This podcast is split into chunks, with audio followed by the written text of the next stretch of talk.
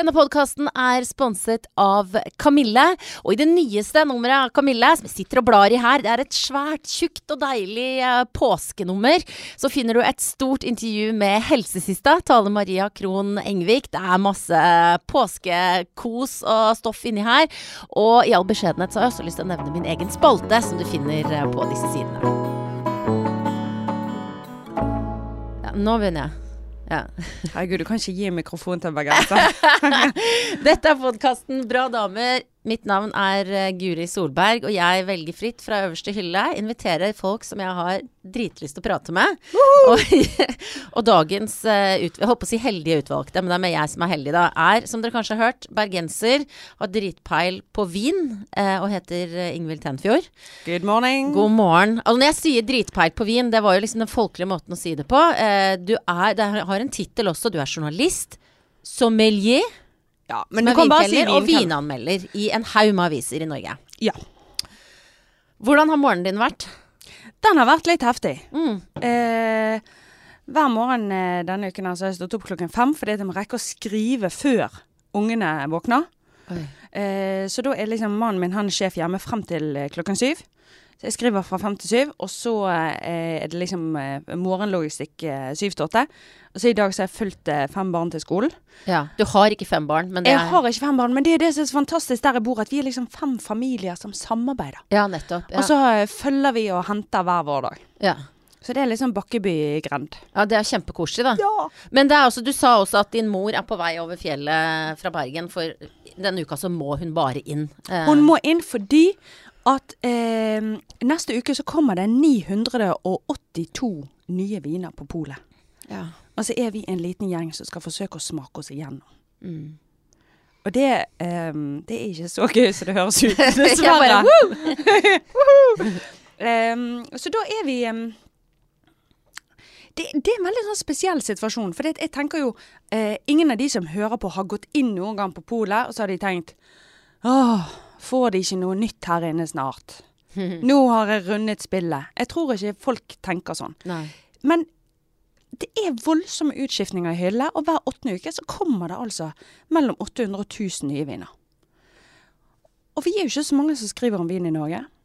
Så vi skal Vi kommer inn i rom, og der står det folk klare, og så har vi flere glass foran oss, og så skjenker de og forteller om viner, og vi sitter sånn smak, spytt, smak, spytt, smak, spytt, smak, spytt. Ja. Så det er hardt arbeid. Det, det altså jeg, jeg, hører, jeg får jo ingen sympati for dette, eh, men ja, det er kjempetøft! Det er kjempetøft. Det kjennes litt som å, å spille sjakk i mange timer. Ja. At du må konsentrere deg så veldig. Eh, men dette var jo mye vanskeligere enn jeg ikke kunne noe. Ja, for du starta på en måte som Altså, jeg tipper at du uansett var litt over mitt nivå. Men du starta på en Nei. sånn Nei, du var helt sånn rød og hvit, typ. Ja. Eh, Jobba som journalist og er veldig flink til det. Skrevet eh, masse portretter og sånn som folk sikkert har lest i eh, de største avisene. Og så var det sånn at du da bare fikk en sånn Dette skal jeg faen meg bli god på? Eh, eller altså, hva var det som skjedde det øyeblikket du bestemte deg for at du skulle få veldig peiling på vin? Vil du ha den offisielle historien eller den sanne historien? Nei, det vet du jo. Jeg vil jo ha den siste. Den sanne. Jeg tror eh, Den offisielle historien Bare ta den kort, for den er, den er veldig enkel og grei. Det, den offisielle historien er at jeg våknet opp en morgen og bestemte meg for å bli verdens beste vinjournalist. Mm. Og så sluttet jeg i jobben, og så tok jeg masse utdanning, og så gikk det kjempebra. Mm. sanne historien er at jeg hadde veldig lyst til å bli god på vin, men jeg visste ikke hvordan. Mm. Uh, og jeg har alltid vært opptatt av mat og smak. Og så syns jeg det var ganske enkelt og, enkelt å bli god på mat. Eh, eller eh, det, det hørtes skrytete ut, men, men altså, hvis, du, hvis du har veldig lyst til å lære å lage en ostesufflé, så kan du bare gjøre det. det. Det er masse sånne blogger som viser deg steg for steg sånn gjør du det. Men det der vinverden var liksom lukket. Følte at du måtte være med i en sånn slags hemmelig gutteklubb. Og det var utrolig frustrerende for meg som jobber med språk, å ikke forstå hva de sier i vinanmeldelsene. Mm. Det var, jeg kunne jo si at det var norsk, men det ga ikke mening.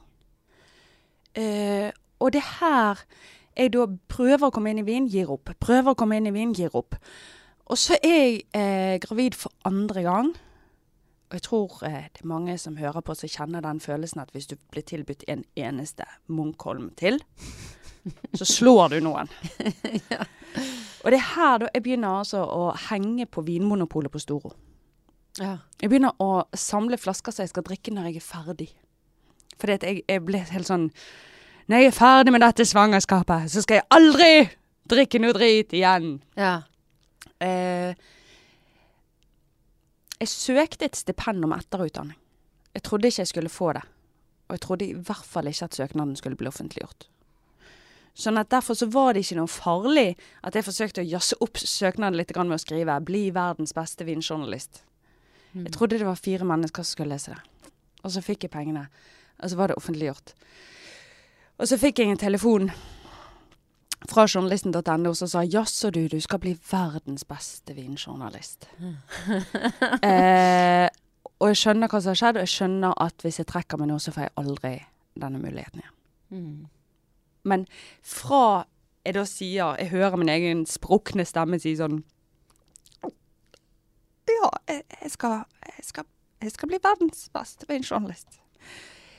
Derfra så utløses det jo da et skred av reaksjoner. Hvem i huleste tror hun at hun er? Angst. Hvordan i all verden skal jeg klare dette?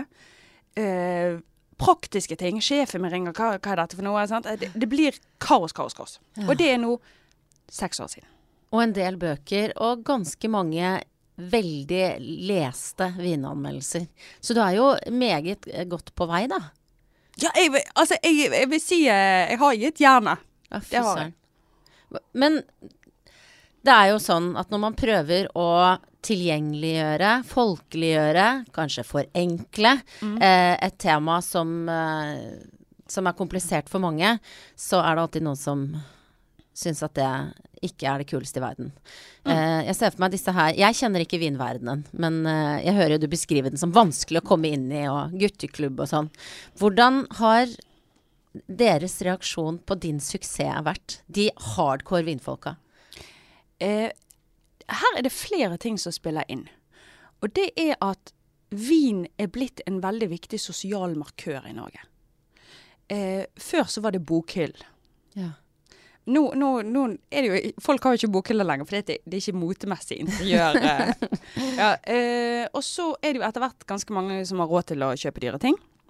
Eh, og dermed så blir vinkunnskap det blir den nye sånn kunsten, på en måte. Det blir sånn, Da viser du at du har kulturell kapital, at du har penger, og at du har brukt tid til å tilegne deg dette.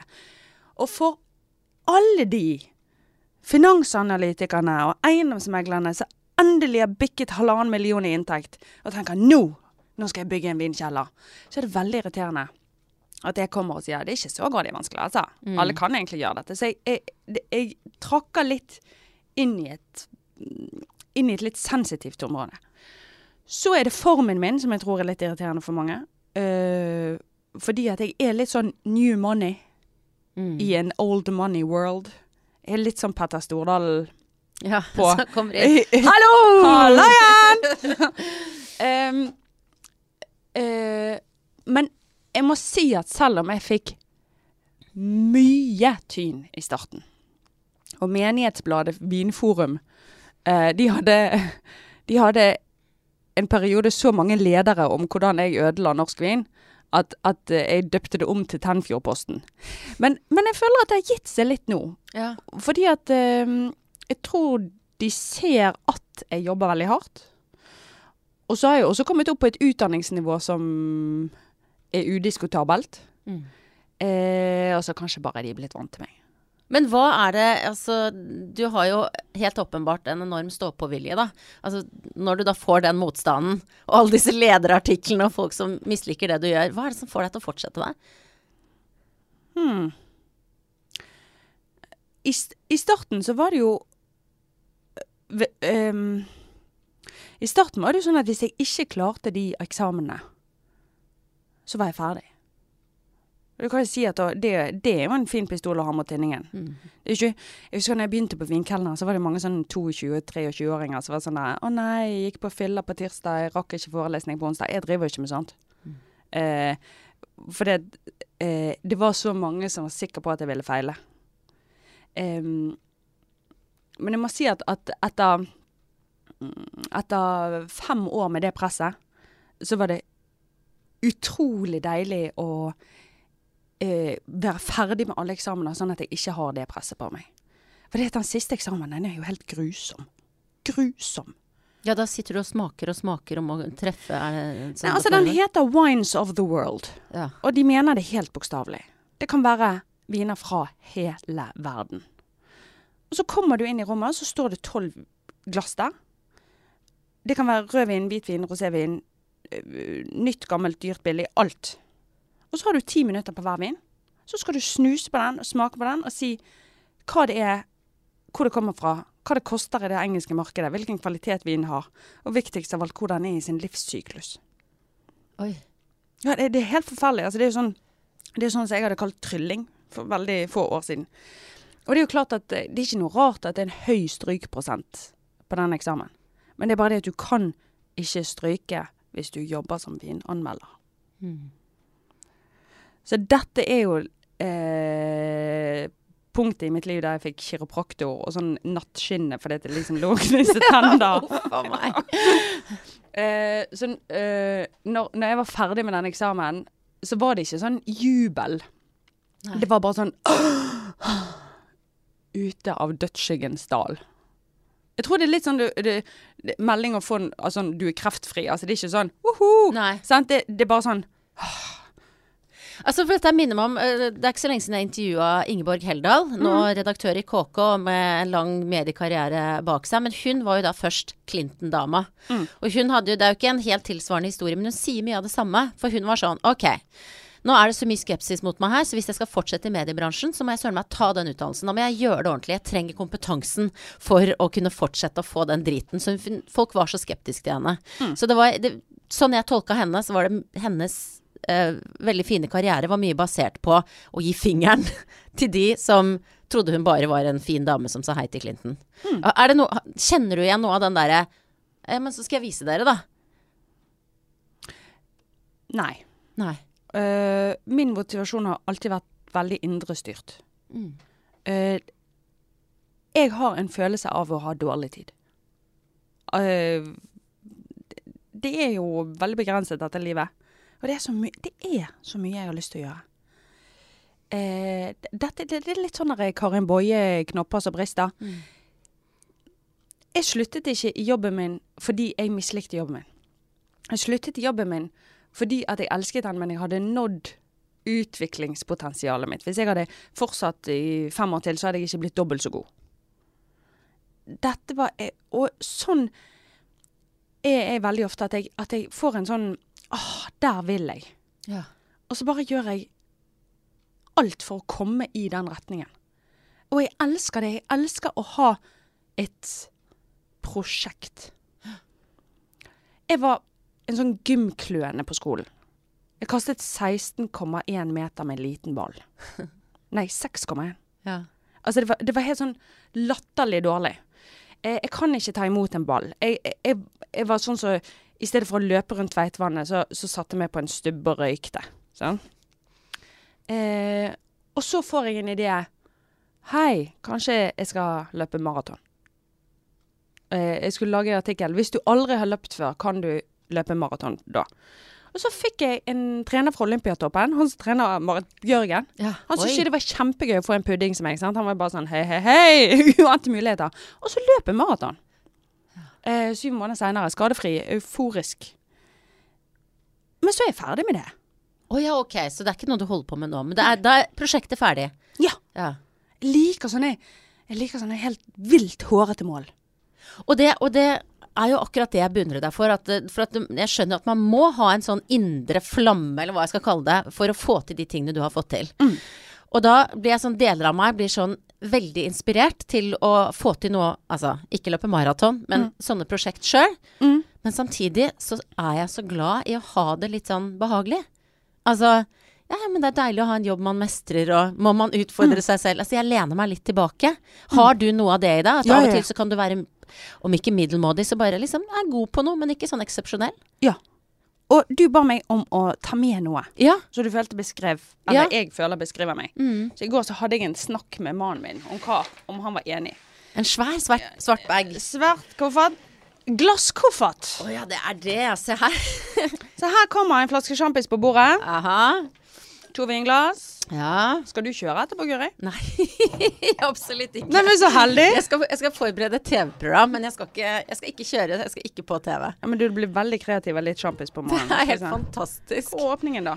Det er veldig bra når vi ser om, eh, om eh, vinekspert Tenfjord eh, ja. Altså. Du har ikke med sabel i dag? For det vet jeg også at du driver med. Ja, ja. OK. Oi, Nå kommer det et litt eh, stort uh, poff her. Du vet at dette hadde jeg jo Dette her er første gjest som har med alkoholholdig drikke, og det må jeg si. Setter jeg sånn pris på. Tips til alle. Bli venn med en vinermelder. Det er veldig gøy. Sånn. Å, Nå skal vi se. herregud, så deilig.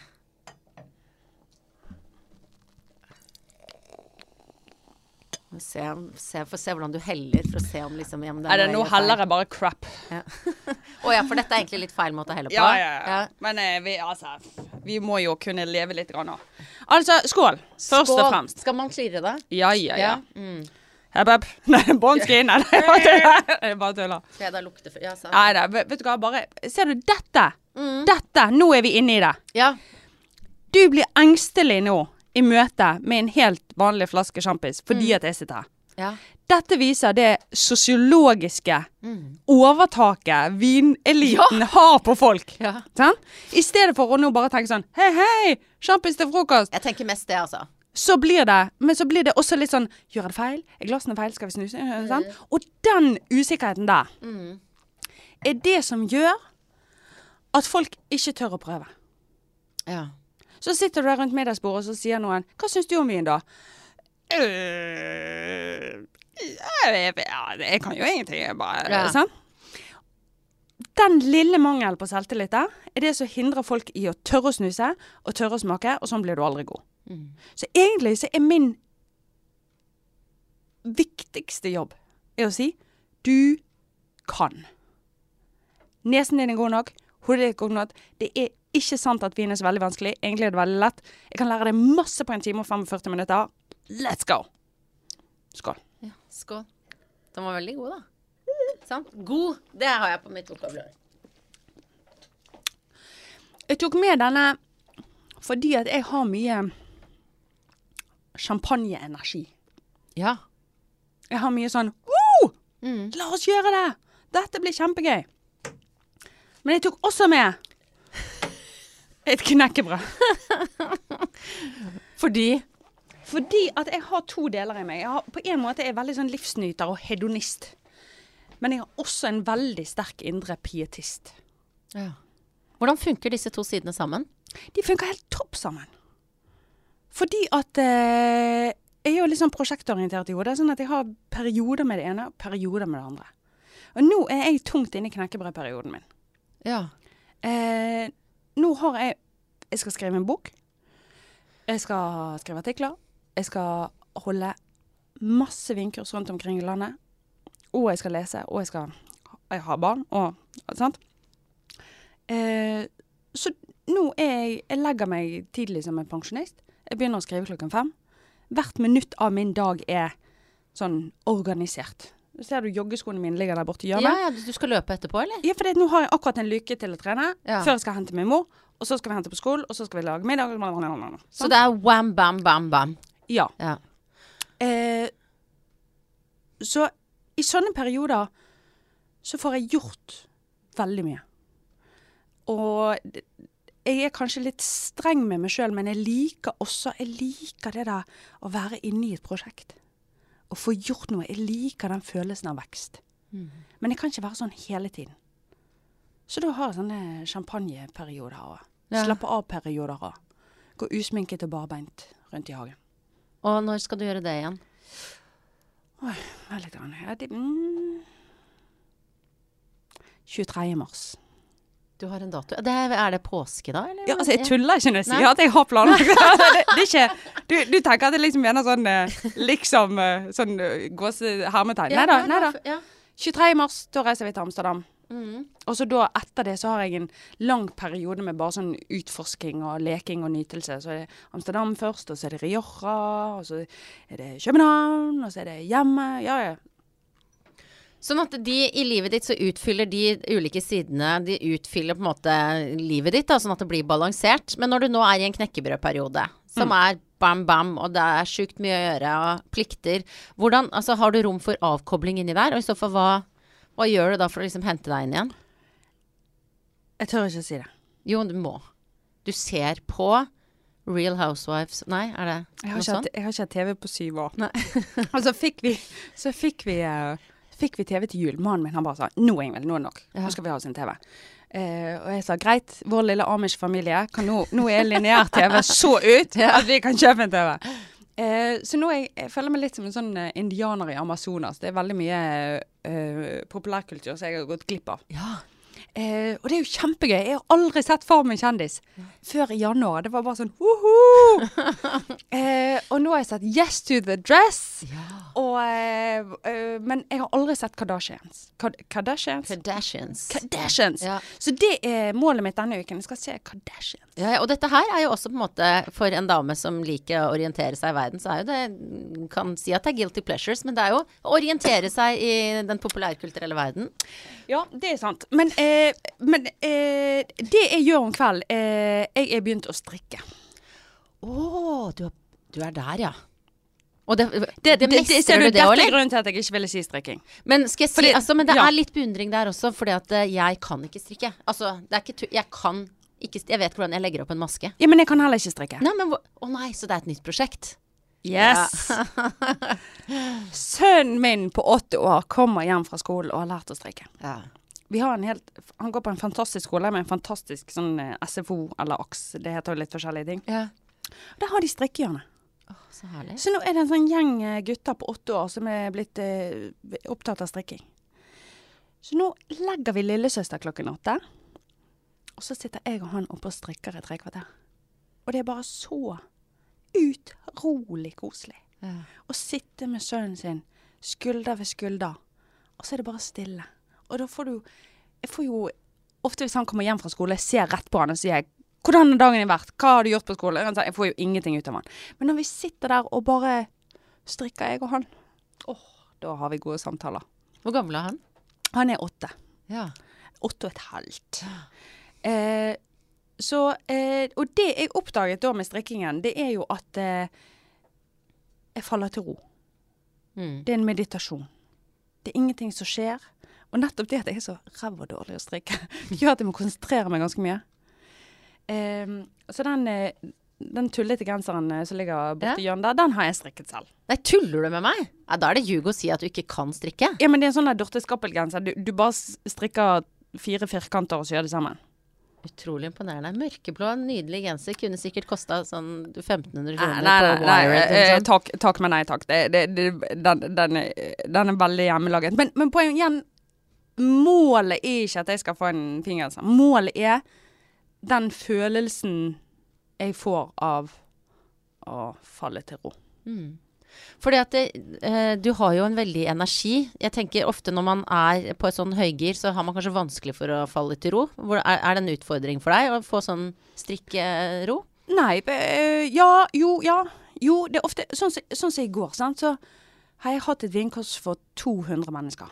Og da står jeg på scenen i 1 time og 45 minutter, og det er jo mer et show enn en vinsmaking. Ja. Og da, gir jeg liksom alt. Og så kommer jeg hjem, og så bare river jeg av meg all glem. Det var sånn Av med den røde leppestiften, ut med hårpinnene, av med kjolen, av med hold-in, stay up, stick it, alt mulig. Og så bare rett i push. ja. Og da skrur du også av eh, showdelen av. det? Da skal Mm. jeg helt av. Så jeg, jeg tror at det der med å balansere energi var vanskeligere for meg når jeg var yngre. Men nå er jeg eh, igjen er blitt bedre å balansere knekkebrød og sjampis. da. Mm.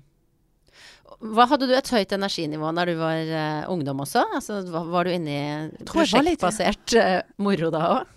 Nei. Altså, vet du hva? Det skjedde faktisk noe med meg eh, med denne maratonen, altså. Mm. Uh, jeg ble Jeg ble helt fascinert over hvor mye du kan få til hvis du bare har en plan. Og jeg tror det er hovedutfordringen til mange at de én ikke vet hvor de skal. Eh, og de vet ikke hvor de skal fordi de ikke drømmer. Sånn at, at eh, Jeg tror det jeg er flink til å gjøre, det er sånn én drømme, og drømme stort. Hadde ikke det vært kult hvis. Og så lage en plan. Eh, og så bare gå stegene. Før jeg hadde løpt denne maratonen, så møtte Petter Stordal. Jeg skulle intervjue han, og så sa jeg 'Herregud, du har løpt en maraton. Hvordan er det mulig?' Så sa han 'Vel, du setter den ene foten fremfor den andre veldig mange ganger'. Mm. Og, det, og, og det er veldig sant. Altså, det, det er sånn, Vi tenker sånn 'Gud, det er umulig'. Nei, det, altså Nå har jeg skrevet fem vinbøker. Og folk sier 'Hvordan er det mulig?' Nei, da kan jeg ikke se fire sesonger av eh, The Wire, da. Mm. Men det er greit. Det er jo Åh, gud, åh. Unnskyld, du som hører på. Nå, nå var jeg Åh, nå ga jeg folk dårlig samvittighet. Det var ikke meningen. Se The Wire! sånn- Se The Wire! Ja, Se ja. The Wire! Jeg ser så mange serier, jeg. Skål! Men er det noe, føler du liksom, hva, hva annet enn The Wire må du ofre for å få til de tingene du har fått til? Det var et veldig godt spørsmål. Hva må jeg ofre? Det å være i vekst gir ubehag. Og ofte er det en solid dose frykt. Før så tenkte jeg at det er farlig å være redd. Det siste treningsmetaforet jeg kommer med, jeg lover, jeg lover. Men også når jeg aldri hadde trent før, så tenkte jeg sånn Jeg, jeg kunne prøve å løpe, og så med en gang det begynte å gjøre litt vondt, så var jeg sånn Nå er det farlig! Nå stopper hjertet mitt. eh, Beina mine faller av. Nei, det gjør jo ikke det. Så jeg tror at jeg øh, bare Jeg øh, gjør ting selv om jeg er redd. Sånn at jeg tror det jeg ofrer, det er eh, Jeg er vant Eller ikke vant til, men jeg aksepterer å ha en tilstand som ikke alltid er behagelig. Hmm. Og hvordan kjennes det, altså den frykten, hvor eh, Er det sånn at du at du liksom mister matlysta og får mageknip? Er det sånn redd? Det liksom, hvordan arter det seg for deg når du gruer deg til noe som du gjør likevel? Ah.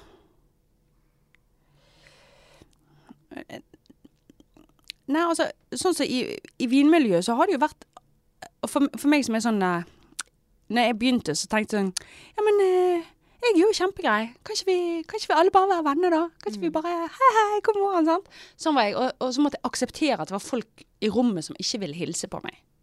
Det var vanskelig. Men da må jo jeg på en måte jobbe med mitt eget behov for å bli likt av alle, da. Og det er kanskje Det er jo en del av det å være voksen, det òg. Si sånn greit. Alle liker ikke meg, men jeg er en ålreit person.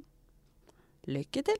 Hvordan, altså For det der kjenner jeg meg veldig igjen i. Jeg er jo sånn om ikke konfliktsky, så er det den der menneskelige behovet for å bli likt. Så hvis jeg føler Kjenner Ja, Men alle liker jo det, gjør ikke de det, da? Er det Ja. noen som ikke liker deg? Ja, altså, ja, nå må du skylde Nei, ja, vet du hva. Det, men ja, så for eksempel altså, eh, I dag så har jeg hatt en litt sånn meldingsveksling, men det har med jobb å gjøre. Det er ingen som er sinte på meg, men en sånn ubehagelig måte å bli snakka til på. Ja. Og da eh, Da ligger Da må jeg jobbe så hardt for ikke la det spise meg opp sånn. Men hva har jeg Og så jeg sånn, får jeg lyst til å bli sånn ni, ni, ni, ni, ni, For å få den personen til å skjønne hvor hyggelig jeg er. Jeg er jo ikke en kjip Person! Ja. Guri Solberg er kjempehyggelig! ja. Men, men er det bare liksom bare Presser du det ut av hjernen din, på en måte? Det det? Altså, jeg merker at det er det jeg prøver å gjøre, da. Tenke på noe annet, eller Men vet ikke om det finnes noen sånne teknikker for å komme seg over det derre at han strenge vinfyren inni hjørnet misliker deg. Her kommer knekkebrødperioden inn. Ja, nettopp. Eh, når, når jeg står i sånne ubehagssituasjoner, eller perioder, eh, så slutter jeg å fokusere ut hele tiden. Sant? For det, det, da impulsen min da er sånn Jeg må få de til å like meg. Jeg må gjøre noe. Jeg må Og så gjør jeg i stedet for sånn at jeg blir innadvendt. Eh, jeg går hjem. Jeg finner ro. Jeg prøver å ikke agere hele tiden. Jeg setter meg ned, jeg leser en bok. Han psykologiprofessoren Sven Brinkmann, eh, som har skapt sånn furore i Danmark, han skriver veldig mye om dette. Ja. At, at i stedet for å hele tiden agere og optimalisere, så da handler det om å finne verdi i andre ting. ja. Eh, så eh, jeg har lært meg å bare tåle noen ting. Ja, så er det noen i rommet som ikke sier god morgen. Og det er jo bare synd fordi at de ikke har større sosial kompetanse enn det. Men det har jo ingenting med meg å gjøre. Eh, jeg øver meg på sånne ting. ja. Og så synes jeg ofte det at i sånne innadvendte perioder så blir jeg jeg flytter jeg fokus, i stedet for at de sånn 'Han var dum med meg. Hvorfor kan det være sånn?' Ja. Så tenker jeg sånn Kan jeg gjøre dagen bedre for noen andre? Og sånne ting. Å, sånne ting, vet du. Det er åh, elsker jeg. Så Ja. da går jeg og besøker en gammel nabo, eller så flytter jeg fokus og tenker på noe annet, og så plutselig så er ikke det problemet eksisterende lenger. Plutselig så er ikke det relevant. Det var et godt råd. Ja, jeg bare, fordi det, jeg, kom til et punkt der jeg skjønte det at uansett hvor mye utdannelse jeg får, uansett så, så kommer ikke de til å synes at jeg er digg. Det er greit, det. Men er det fortsatt sånn? Er det, er det noen som har snudd, følger du? Av skeptikerne som bare Ok, da, jeg skjønner at du Det er noen som har snudd, og så noen som eh, ikke har snudd. Ja. Senest i går så var det en som måtte si 'hallo', frem med hånden, Hei, hei. Ja, ja, så vi har, vi har sånn. Men, men nå koster ikke det meg noe lenger. Nei. Og det er fordi du er trygg på at uh, du vet hva du gjør, og du liker det du gjør? Ja. ja. Og det er ikke viktig for meg å bli likt av alle lenger. Nei. Men fra, gå fra det at det var viktig for meg, til hit Smerte, smerte, smerte, ubehag, ubehag. Ja. Hvor viktig er familien din for deg? Jeg mener Veldig viktig! Nei, nå Vet du hva, nå skal vi skåle. For Klaus Aka Klausen. Klausen. Jeg møtte mannen min på et dansegulv i Sverige. Og han danset? Han er dødsgod å danse. Ja. Han er min Patrick Swayze. Og jeg var dårlig å danse. Og han kom og spurte skal vi danse, og jeg sa nei. Uh, så gikk jeg rett til venninnen min og sa nei, nei, nei. Nå han spurte meg om det. Nå, ja, nei. Uh, fordi at han, han, han danset en sånn kul uh, sving som het Lindy Hop. Ja, å, det har jeg sett. Det kjempe, ser kjempegøy ut. Ja! Med sparking og Ja, ja. Ja, ja så, han, så han var kjempegod til å danse Lindy Hop, og jeg eh, kunne ikke danse Lindy Hop. Eh, så fikk jeg et prosjekt. ja, ja. Lære å danse Lindy Hop. Um, og da kom jeg eh, Men til slutt da, så sa jeg ja. Og da var det sånn elektrisitet, altså. Det var rett Jeg kommer inn i hans armer, og det er bare sånn Skjelv. Eh, men han var jo svensk. Ja. Jeg bodde i Stockholm, og jeg bodde i Oslo. Og på vår første date så forsto han ingenting av hva jeg sa. Selv om jeg svensket meg til. Og jeg bare tenkte å gud, han er veldig kjekk, men han er nok ikke så intelligent, tenkte jeg. Dette kommer aldri til å gå bra, men neste kveld så spilte de opp igjen, da, vet du, og så var det elektrisitet igjen. Sånn at jeg må si at i mine singelår så var jeg ikke spesielt flink til å finne dater. Jeg gikk etter alle de feile tingene. Jeg leitet etter folk som var veldig lik meg sjøl. ja. Eh, Klaus er veldig ulik meg. Han er realist. Han er matte- og fysikklærer. Eh, han er ikke emosjonell sånn champagnete som jeg er. Ehm, han er stabil.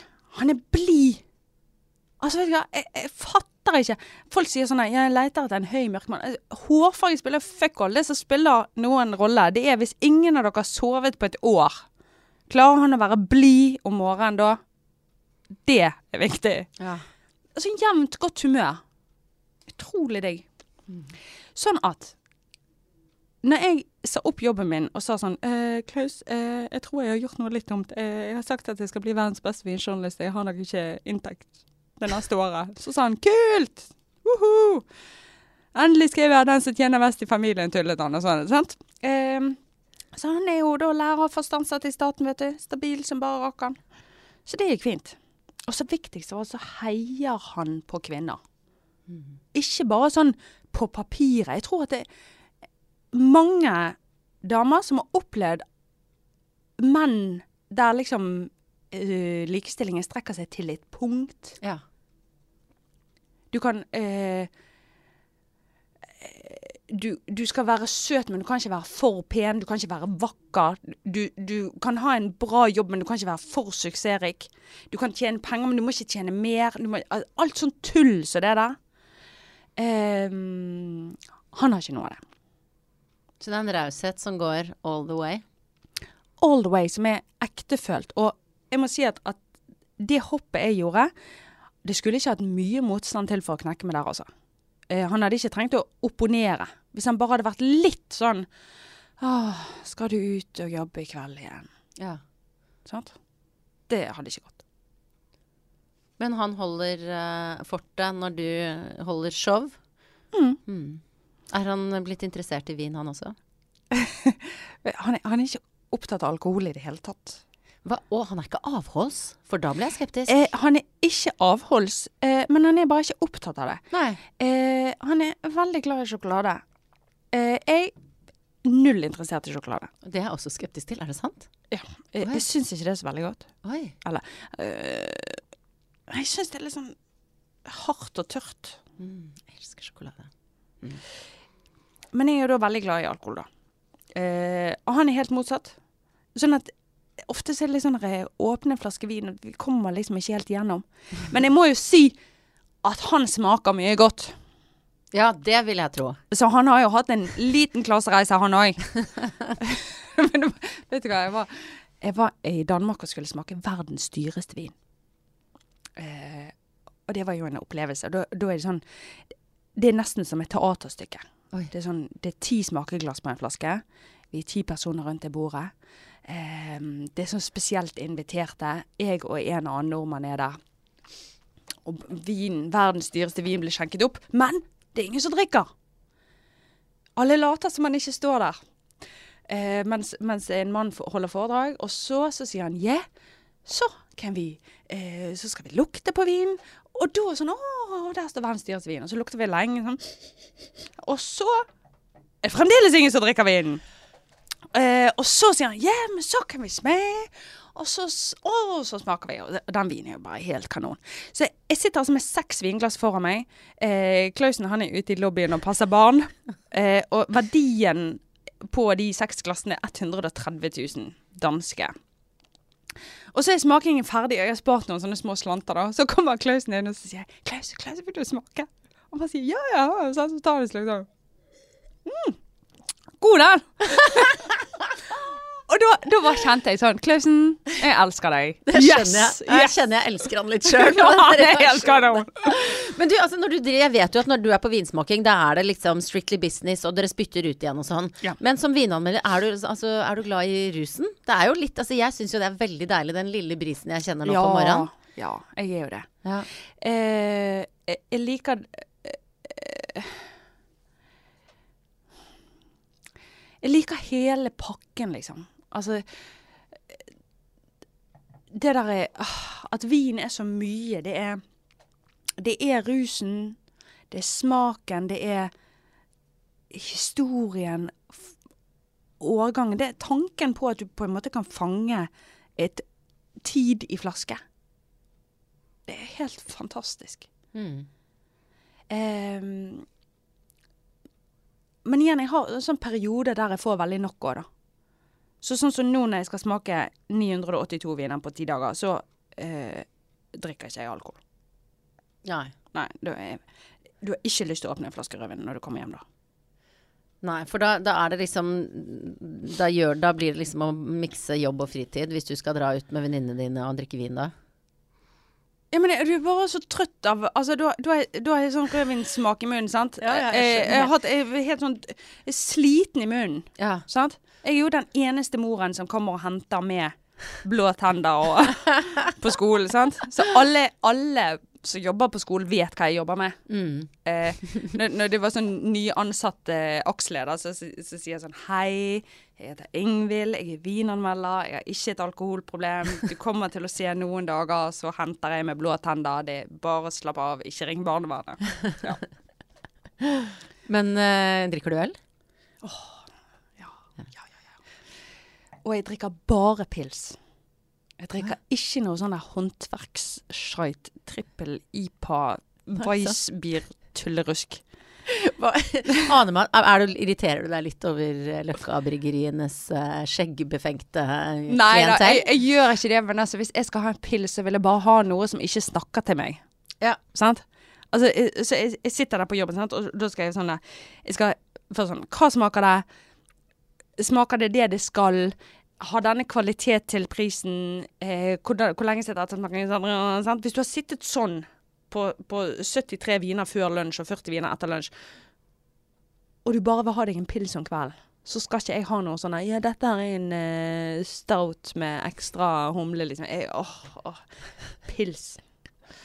Eller gin tonic. Ja, det er en klassiker. Mm. Men du, altså, nå du setter deg mål, du har store prosjekter. Nå vet vi at du er i knekkebrødfasen. Hva er på en måte Hva er din neste, neste mål, ambisjon, drøm? Er det noe sånt som du har noe som du jobber mot, eller? Uh, nå er jeg akkurat der at jeg høster veldig mye av det jeg har sådd de Ja. siste seks årene. Uh, så fra å ikke ha inntekt, så har jeg nå så stor forespørsel, uh, så mange forespørsler, at jeg har fått meg manager. Oi, så gøy. Jeg, jeg, jeg, brukte hele januar på å øve på å si det uten sånn hermetegn. Ja, sånn, ja, «Å, ja. var- jeg fikk Manageren min, management», ja. Sånn, uh, men um, nå klarer jeg å si det med straight face. Uh, jeg har fått meg management. Ja. Det er veldig kjekt. Jeg har fått meg ny regnskapsfører. Jeg, jeg må ha orden på jeg må ha orden på backoffice. Mitt lille enkeltmannsforetak har vokst seg for stort for meg. Eh, og dermed så åpner det seg jo veldig mange muligheter. Det er veldig digg å ikke stå alene om alt. Så nå er vi i den fasen. Det er veldig mye som letter. Det er masse muligheter som åpner seg som ikke var åpne før. Men kommer jeg til å drive med vin resten av mitt liv? I don't know. Hva skal du drive med da? Altså, vet du hva, det er så Altså, jeg hadde ordentlig, ordentlig lyst til å dykke ned i klassisk musikk. Altså sånn Ja, men altså, klassisk musikk er jo akkurat sånn som vin, sant? Det, folk Det er ingen veier inn. Og det er de samme gatekeeperne. Det er folk som ønsker at dette skal være lukket. Det, det er folk som irriterer seg over folk som eh, er i operaen og reiser seg for tidlig, fordi at man skal ikke reise seg før eh, tredje eh, gang de kommer tilbake på scenen. Sånne ting. sant? De gatekeeperne der. Å, det hadde vært gøy å bølle litt med de. Kunst! Jeg kan ingenting om kunst. Um, åh, nei, det Mat. Jeg, jeg kunne ordentlig, ordentlig tenke meg å tatt kokkeutdanning. Gått i lærer, liksom. Ja. Med 17-åringene. Åh! Tenk, å, tenk å lære å partere et dyr, da. Det kan jeg jo ikke. Kan jo ingenting. Ja, ja, altså, det kan hende du kommer til å gjøre. Og veldig mange ville jo sagt sånne ting eh, i et sånt intervju, og, for, og så sa hun ja, ja, det drømmer hun om. Men med deg så tenker jeg det er ikke så lenge til jeg ser deg står og skjærer opp en hjort. Tenk så gøy. Så nå, nå er jeg, blitt 40. Og så, altså det der jeg, tenk, jeg tenker ofte sånn at Youth is wasted on the young. Altså Ja. jeg, jeg tenker liksom Nå bør du jo ta utdanning. Nå er jeg jo utrolig mye mer fokusert. Vet du hva som irriterer vettet av meg? At jeg hadde fire års tyskundervisning på skolen, og jeg ikke kan snakke tysk. Kan du tenke deg noe så harry? Fordi at jeg ikke likte tysklæreren min. Jeg følte at jeg straffet han ved å ikke lære meg tysk. Kan du tenke deg så idiotisk? Altså, nå, nå er jeg sånn All undervisning du kan få, det er jo bare sånn Ta det! Ta Ja. det! Sant? Det hadde vært ordentlig, ordentlig gøy å begynne på sånn kokkelinje. VGS2. Sammen med tenår tenåringene. ja, da, flytt dere, gutter. Jeg skal lage en bechamel. Ja, det blir spennende å følge deg. Eh, herregud, bechamel meg her og der. Du kommer til å gjøre det med litt sånn sjampis attåt. Du, har tre spørsmål som jeg stiller til alle gjestene mine, sånn på Ja. tampen. Eh, hva spiste du til frokost i dag? Eh, eh, meksikansk frokost med yes. eh, Jeg er veldig glad i varm frokost. Så i dag så spiste jeg eh, Jeg steker svarte bønner og poteter med eh, speilegg oppå. Å gud, så deilig. Det er skikkelig sånn kraftstart på dagen. Yes, det må jeg ha. For Ja. det nå er det sånne smakedager, sant. Ja, nettopp. Eh, og så skal du liksom smake masse viner, og så gir det deg en skive i pausen. Det funker ikke for meg. Så ordentlig frokost. Eh, hva med antrekket? Hvor lang tid brukte du på å finne ut hva du skulle ha på deg i dag? Eh, 30 sekunder. Å ja, jøss. Hva med Og det, det er det som jeg må beskrive for dere som hører dette, det er at du har jeg, du har en sånn signatursveis, har du ikke det? Jo. Altså litt Når du satt mannen din og du dansa lindy hop, så tenker jeg nå faller brikkene på plass. Mm. For det er litt uh, lindy hop-assosiasjoner til den nydelige, litt sånn spenner, enkelt satt bak, med et lite løft i luggen. Rød yeah. leppestift. Yeah. Uh, hva Er dette en go to-look som du har alltid? Ja, ja, ja. Altså, altså, har du en dårlig hair day, Mm. så er det jo bare å sette opp håret i sånn 40-tallsstil. Ja. Tørrsjampo, tupering, sånne flisepinner. Rød leppestift. Og det gjør jo at, at uansett hvor eh, og, og sånn som i dag, så var det så kaldt ute. Eh, og igjen, jeg skulle følge alle disse ungene. Sant? Jeg var innpakket i bobledress. Eh, så, så jeg prøvde å ha sånne eyeliner, det bare gned eh, gni utover. Men med litt rød leppestift så ser du litt sånn glammy ut uansett. Mm. Men det ingen visste, det var jo det at jeg hadde pysj og bobledress. Ja. Og så eh, kom jeg hjem, og da hadde jeg liksom tolv minutter på å fikse til dette her. Og da eh, Ja. Så, så jeg er ikke så jeg tror, jeg tror det handler om at eh, det er så ofte i jobben min at jeg må være pyntet. Ja. Så det, jeg gjør et stort poeng ut av å ikke være pyntet når jeg ikke er på jobb. Og når du holder show eller vinsmaking og foredrag og den type ting, hvor viktig er det du har på deg da? Det er kjempeviktig. Ja. Det er rett og slett kjempeviktig. Jeg har, eh, jeg har jo tre vinbøker der det er bilder av meg på forsiden. Jeg må jo prøve å ligne, og det, blir, det tar lengre og lengre tid.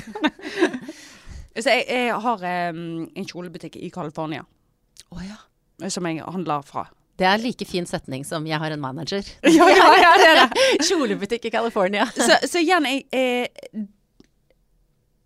På vinkurs så er jeg alltid stæsjet, og idet jeg kommer hjem, så er det bare av. Mm. Fordi at det er en rolle, og jeg kan ikke være i rolle hele tiden. Når hadde du sex sist? I går Ja. Med Klausen. med Klausen Ja. Det var bra!